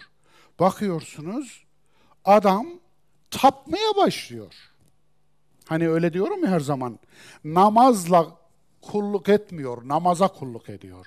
Namazla tapmıyor, namaza tapıyor. hacca ibadet için gitmiyor. Kabe'ye tapmaya gidiyor. Bu ilginç. Niye? Sembol olduğunu kimse söylememiş ona ki. Kur'an'a karşı devrim, ibadet dini. İbadetlerin amaç ve anlamından kopararak adet, ritüel ve ayinleştirmek. Yasakları anlam ve amacından kopararak işlevsizleştirmek. İşte Kur'an'a karşı devrim, karşı devrim böyle yapıldı.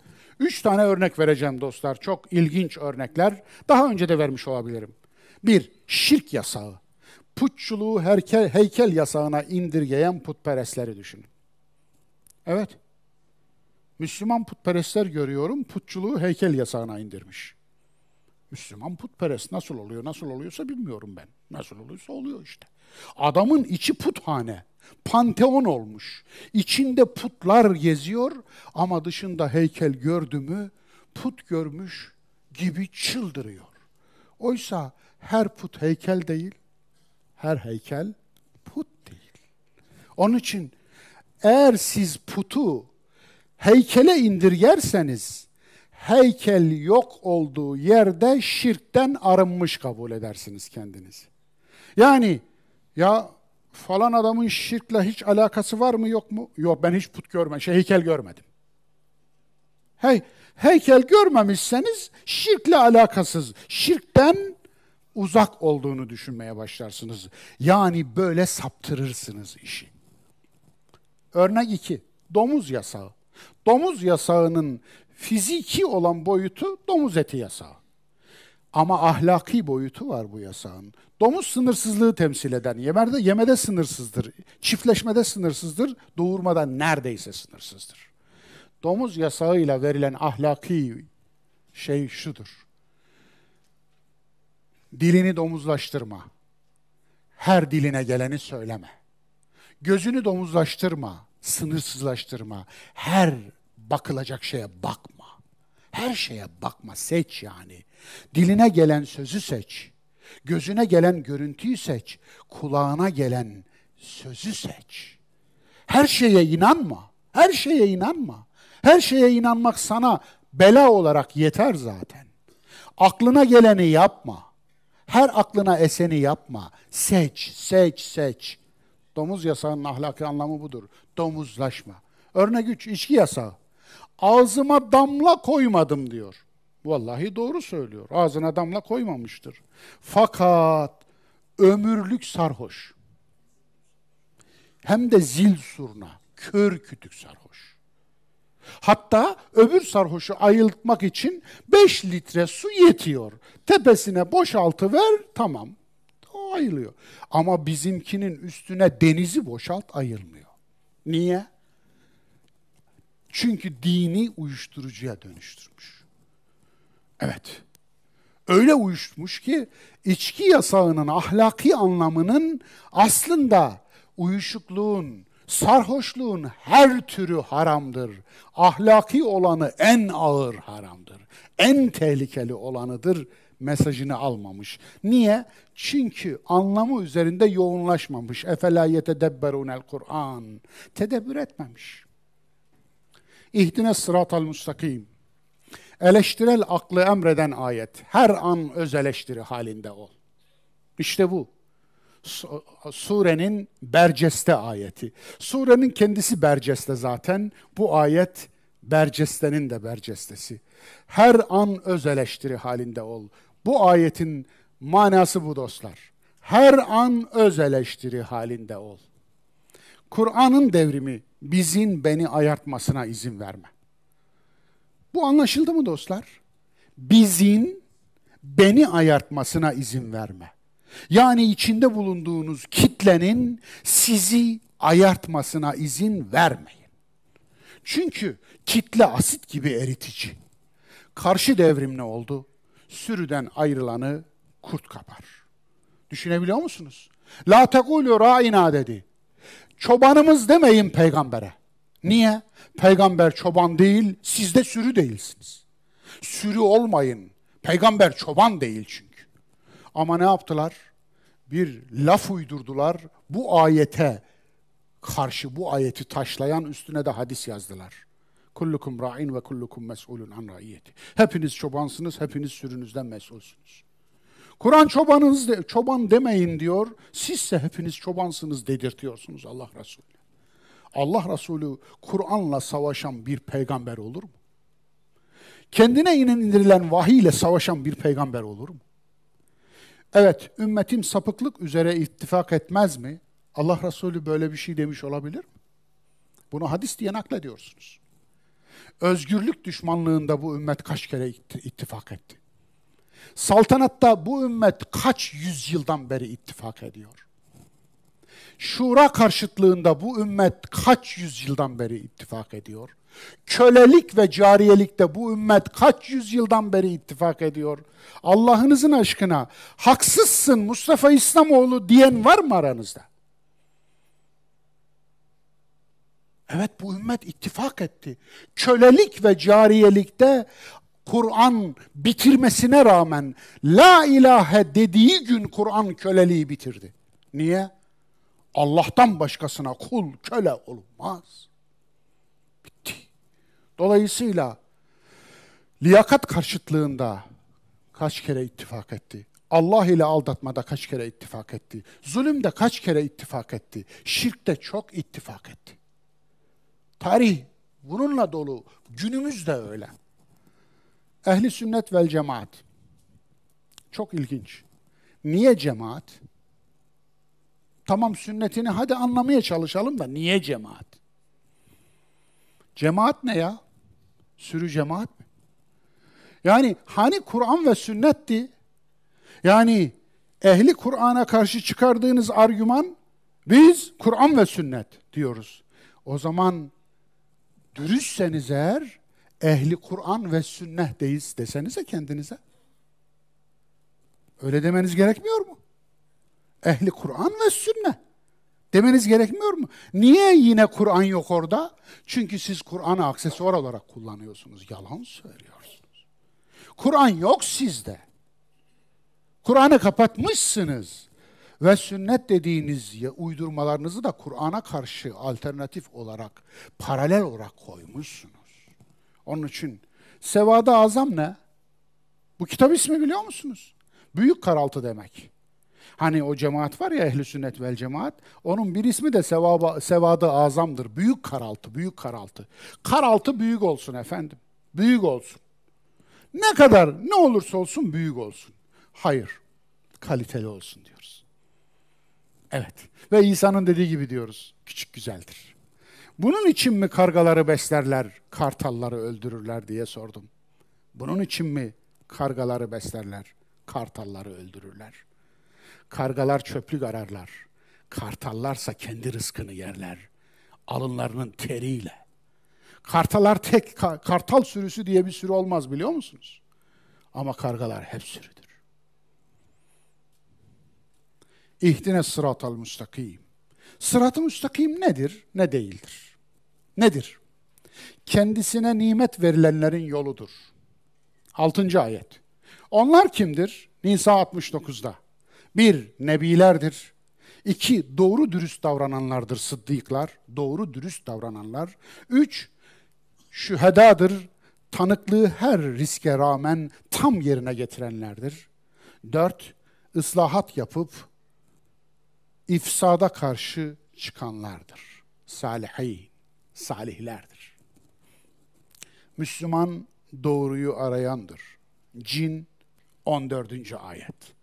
Allah da dost doğru yoldadır. Hud 56. ayet. Bunu tekrar ediyorum. Allah doğru yoldadır. İnne Rabbi ala sıratı müstakim. Benim Rabbim sıratı müstakim üzeredir. Demek ki Allah sadece kulunu doğru yola davet etmiyor. Kendisi de doğru yolda olandır. Bu çok önemli. Ne değildir peki? Gazaba uğrayanların yolu değildir. Musa'nın mesajının Yahudileşme sürecini hatırlayın. Musa'nın mesajı nasıl Yahudileşti? Müslüman İsrailoğullarının gazaba uğrama, Yahudileşme süreci. Firavun, Haman, Belam sembolleri üzerinden uyarı. Firavun gücün tanrılaşması. Haman bürokrasinin tanrılaşması. Belamsa ruhban sınıfının tanrılaşması, din adamları sınıfının tanrılaşması. Evet, Müslümanların Samirileri ve buzağları kimler ve neler? Şunu diyebilir misiniz? İsrailoğullarının Samirisi ve buzağısı vardı ama bizim Samirimiz ve buzağımız yok. Bizim buzağımız yok mu gerçekten? Buzağı ne? Evet. Ve uşribu fi kulubihimul icl. Onların kalplerine buzağı içirildi. Sevgisi bile yok orada ayette metinde. Buzağı içirildi diyor. Ne demek bu? Buzağı kalbe nasıl içirilir? Buzağı niye? İnek niye değil? Mısırlılar efendileri öküze tapıyorlardı apis. Niye o yok?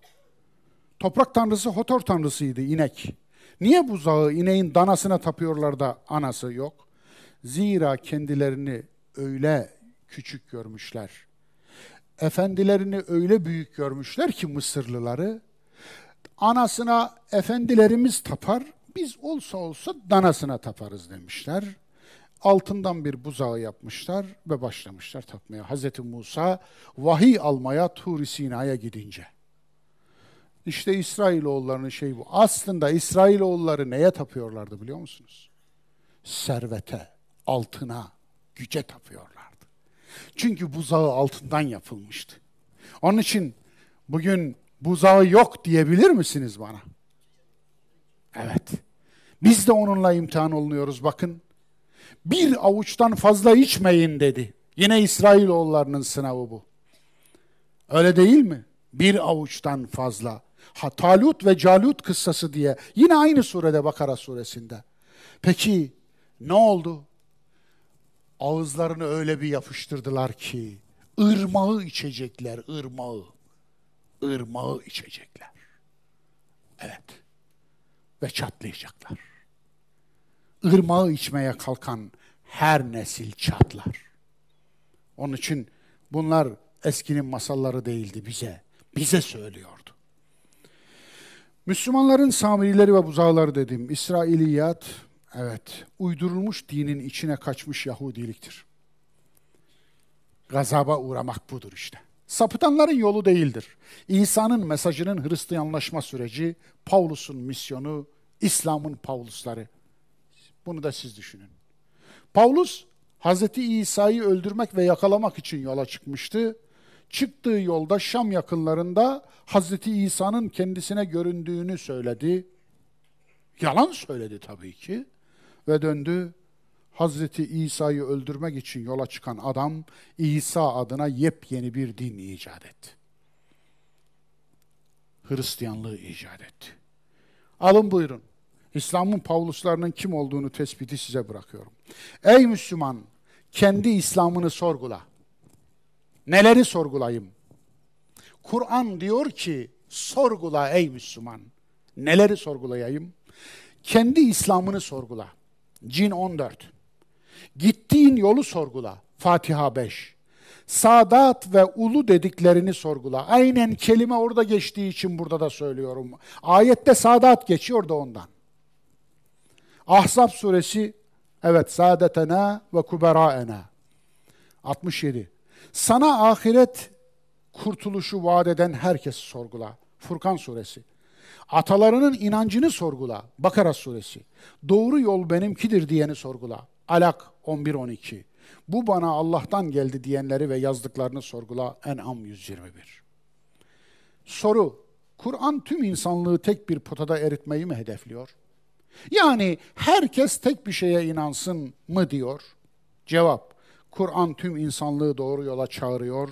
Fakat insanlığın çoğunun farklı inançta olmasının toplumsal bir ilahi yasa olduğunu da söylüyor. Bakmak isterseniz Yunus suresi 99. ayete yönlendireyim. Ekler. En neşeli bölümü diyeceğim ama yine de çok neşeli değil. Arka planda da ayet şeyler var, Kur'an var.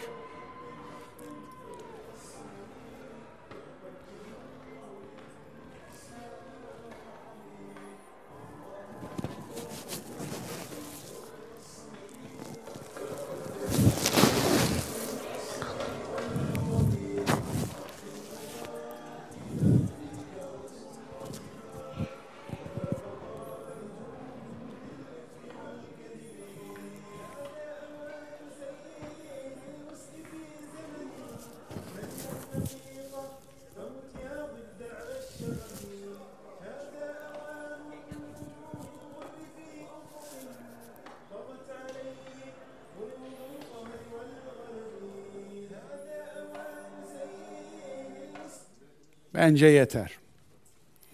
Her sureti put diye takdim eden hadislere vahiy diye inanan zihniyet, Musul'da 3000 yıllık asur eserlerini parçalamayı tevhid ve cihat zannediyor. Burası Musul'du, parçalanan eserler de asur eserleriydi. Musul, sahabe tarafından fethedildi. Hazreti Ömer döneminde. Musul'daki bu heykeller o gün de vardı. Sahabe bilememiş. Sahabe demek ki hassasiyeti yokmuş. Sahabe tarafından fethedildi Mısır. Mısır'daki piramitlerin tek taşına dokunmadılar. Mısır'daki Sfenks'in tek bir tarafına dokunmadılar. Mısır'daki Firavun heykellerine dokunmadılar. Afganistan sahabe döneminde fethedildi. Hicri 60'larda. Bagram'da bombalanan iki Buda heykeli onlar döneminde de vardı. Bir tek tarafına dokunmadılar. Peki bu hangi İslam? Ha? Peki asıl şu. Kur'an diyor ki sekiz yerde kul siru emri var. Do, dolaşın gezin yeryüzünü. Ama her biri değişik. Kimi diyor ki yaratılış nasıl başlamış inceleyin. Kimi de diyor ki günahkarların akıbetini görün. Sahtekarların sonunu görün. Kafirlerin sonunu görün. Günahkarların akıbetini eğer bunları yok edeceksek nasıl göreceğiz? Hı? Kur'an'ı tedebbür etmezseniz, anlamı üzerinde yoğunlaşmazsanız böyle Kur'an'la zıtlaşırsınız, savaşırsınız, arka planda da Kur'an'ın seslendiren bir ses koyarsınız. Evet. Eğer 3000 yıl önce Süleyman Nebi'nin konağına girselerdi bunlar, bu burası gol işte, tam gollük. Eğer Süleyman Nebi'nin konağına girselerdi, Kudüs'teki oradaki Kur'an'ın haber verdiği temasili de parçalarlar mıydı dersiniz? Temasil. Hazreti Süleyman'ın Süleyman Nebi'nin konağında heykeller varmış. Kur'an haber veriyor. Bunu haber verirken de kınamıyor, azarlamıyor. Herhangi olumsuz bir şey kullanmıyor. Kur'an'la ne kadar ne kadar kopmuş bu Müslüman kültürü dediğimiz kültür. Ne kadar yabancılaşmış Kur'an'a. Ama aynı zihniyet hadislerde geçen Allah gibi kulun da haram koyacağına, Allah'ın elçiyi ağaç, ağaçta sağ yanına oturttuğuna, Allah'ın gökte bir yerde tahtına kurulduğuna, gökten bir merdivenden iner gibi yeryüzüne indiğine, ayağını cehenneme basıp homurtusunu kestiğine ve daha tevhide aykırı nice hadislere vahiy diye inanıyor. Ne diyeyim şimdi ben buna? La havle ve la kuvvete illa billah diyeyim. Değil mi? Evet. Uydurulmuş din. Din, dinzai olur mu? Ben uydurdum. Dinzai'yi. Bonzai'den mülhemdir. Evet. Burası Güney Afrika. Bir kilisenin çimenleri gördüğünüz yer. Bunlar da kilisenin müminleri, müdavimleri, Efendim, gördüğünüz manzara bu. Kilisenin rahibi hastalara kilise bahçesindeki otları hayvan gibi yayılırsanız iyileşirsiniz, kutsanırsınız demiş. Kutsal otlar çünkü. Yani aklınızı kullanıp insan olmayın, ağzınızı kullanın, sürü olun demek istemiş. Onlar da bunu yapıyorlar. Gördüğünüz gibi uydurulmuş dinlerin kardeşliği diye bir kardeşlik vardır herhalde dünyada. Evet, görsel tavsiyeme geldik. Çok hoşunuza gidecek. Hani sorgulamak ya, Fatiha sorgulama suresiydi ya. Hayatı sorgula. Ne diyordu Sokrat? Ne diyordu o büyük üstad? Sorgulanmamış hayat yaşanmaya değmez. Hakikaten sorgulanmamış hayat yaşamaya değmez. 100 metre. 2016 yapımı İspanya yapımı bir film. İzleyin, e, teşekkür edeceksiniz. Benim kahramanlarım bölümünde İsveçli öğrenci, yani İsveççe bilmiyorum, yani İlan diye okusak bilmiyorum, Elin er, Erson diye okuyayım ben. Afgan mültecisinin sınır dışı edilmesini protesto ediyor Türk Hava Yolları uçağında.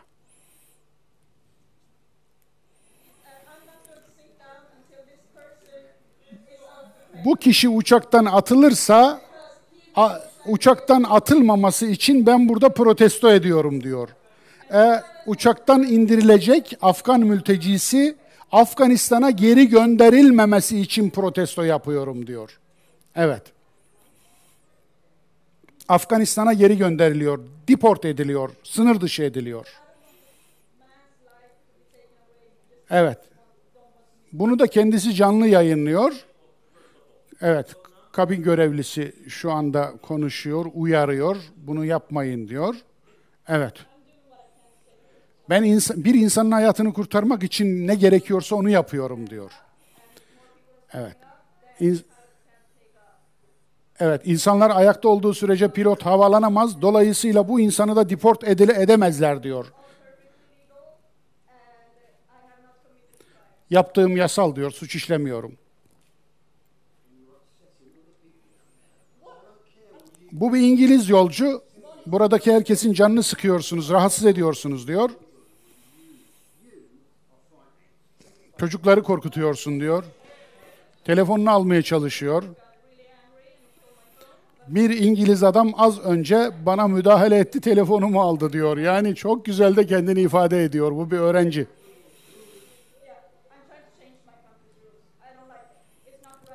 Ülkemin kurallarını değiştirmeye çalışıyorum. Ben bir insanım diyor.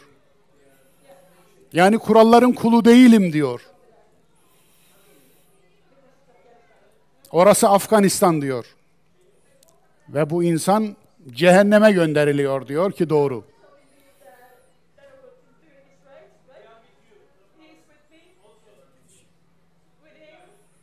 Evet. Bir Türk erkeği de beni destekliyor diyor.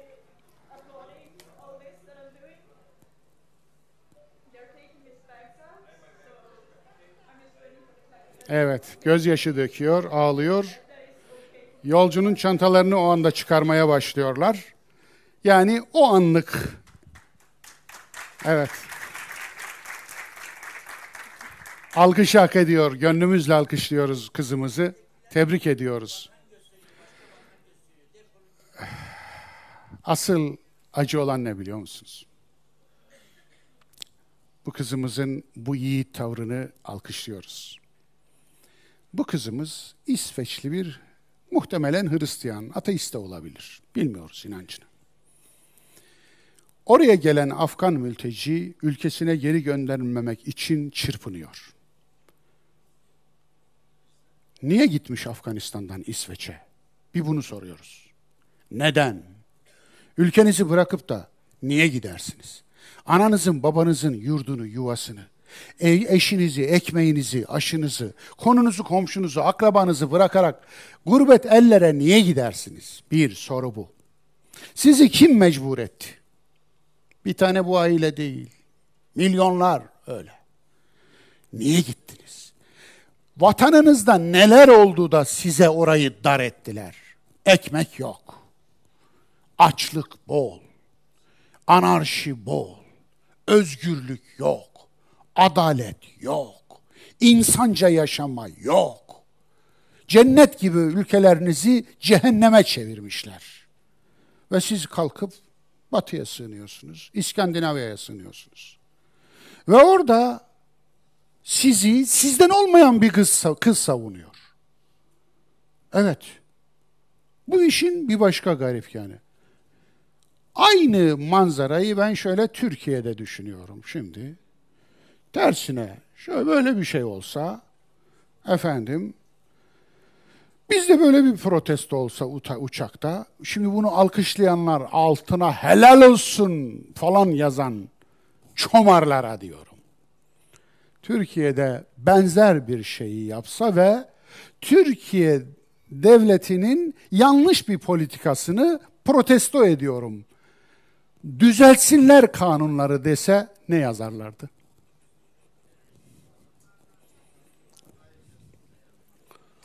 Evet. Budur. Başka söyleyeceğim bir şey yoktur Sayın Hakim Bey. Efendim bugün dersimiz bu kadardı.